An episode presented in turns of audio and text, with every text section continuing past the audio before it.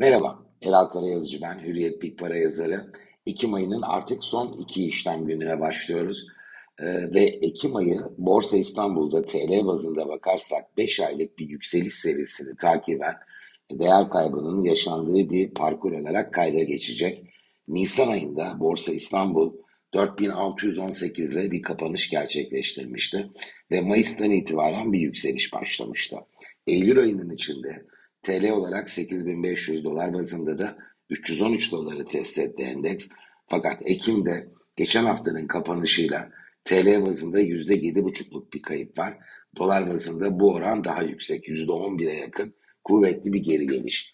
Şüphesiz bunun e, belki tek e, nedeni e, Orta Doğu, dünya borsalarını da etkiliyor. Ama Türkiye daha fazla etkileniyor. Daha fazla etkilenmesinde bir fiyatların bu faktör değişikliğinden, bu oluşan risk ve belirsizlikten önce yükselmiş olması önemli bir unsur oldu. Çünkü dünya borsaları düşerken Borsa İstanbul e, gerek Ağustos ayında gerek Eylül ayında yükselişini sürdürmüştü. Geride bıraktığımız 3 ay 13 haftalık e, bir bütün olarak bakarsak dünya borsalarında ortalama %17'lik bir kayıp var.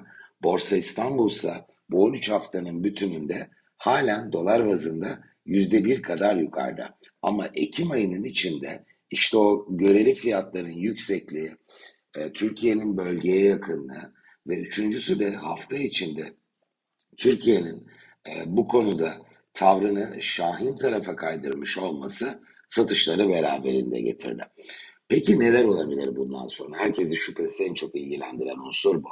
TL bazında kapanış 7706 ee, ve bir süre kısa vade adına bunu söylüyorum. Endeksin 7950 puan e, civarındaki güçlü direnci aşması kolay gözükmüyor. Peki satışlar devam eder mi? Özellikle geçen haftanın içinde çarşamba günü bir günde %7'lik kayıp vardı. Zaten TL kaybında dikkate değer bir bölümü oradan geldi Ekim bütününde. Bu şiddette yeni satışlarla karşılaşabilir miyiz? Ben e, ana satışın sona ermiş olma ihtimalini yüksek buluyorum. Fakat artçı sarsıntılara benzetebileceğimiz şekilde biz de önümüzdeki günlerde pekala yeni geri çekilmeler olabilir. Bu test edilen o 7400'dü en düşük hafta içinde. O bölgeden çok uzak bir yer olur mu? 7400'ün bir kez daha testi. 7250'ye doğru bir sarkış. Bence ihtimal dahilinde. Ee, peki daha altlara gidebilir mi? 6000, 6500 olur mu endeks? Bunu beklemiyorum. Belki 7000 civarında bir seviyeyle karşılaşabiliriz ama bunun içinde negatif haber akışı e, gerekiyor. Var olan e, haber setiyle bunun da gerçekleşme olasılığının e, düşük olduğunu tahmin ediyorum. Ya sonrası? Şimdi birkaç perdeye ayrı ayrı bakmamız gerekiyor. Bir kere Orta Doğu konusu fiyatlamalarda gündemden uzaklaştığında eninde sonunda uzaklaşacak. Ben e, bir yıl sonu hareketi bekliyorum. Kasım, Aralık, Ocak gibi 3 aylık bir parkur olarak buna bakarsak burada da BIST'in TL bazında 8500 zirvesini aşarak e, Ocak ayının içinde belki biraz rötarla Şubat ayına sarkabilir bu. 9500 puanı hatta 10.000 puanı test etme şansı olduğu görüşündeyim. Bu nedenle cari fiyatların da fena olmadığını ama yaşanabilecek ilave geri çekilmelerle yaşanması durumunda Borsa İstanbul'un yatırım yapmak, risk almak adına e, uygun noktaya geleceği görüşündeyim.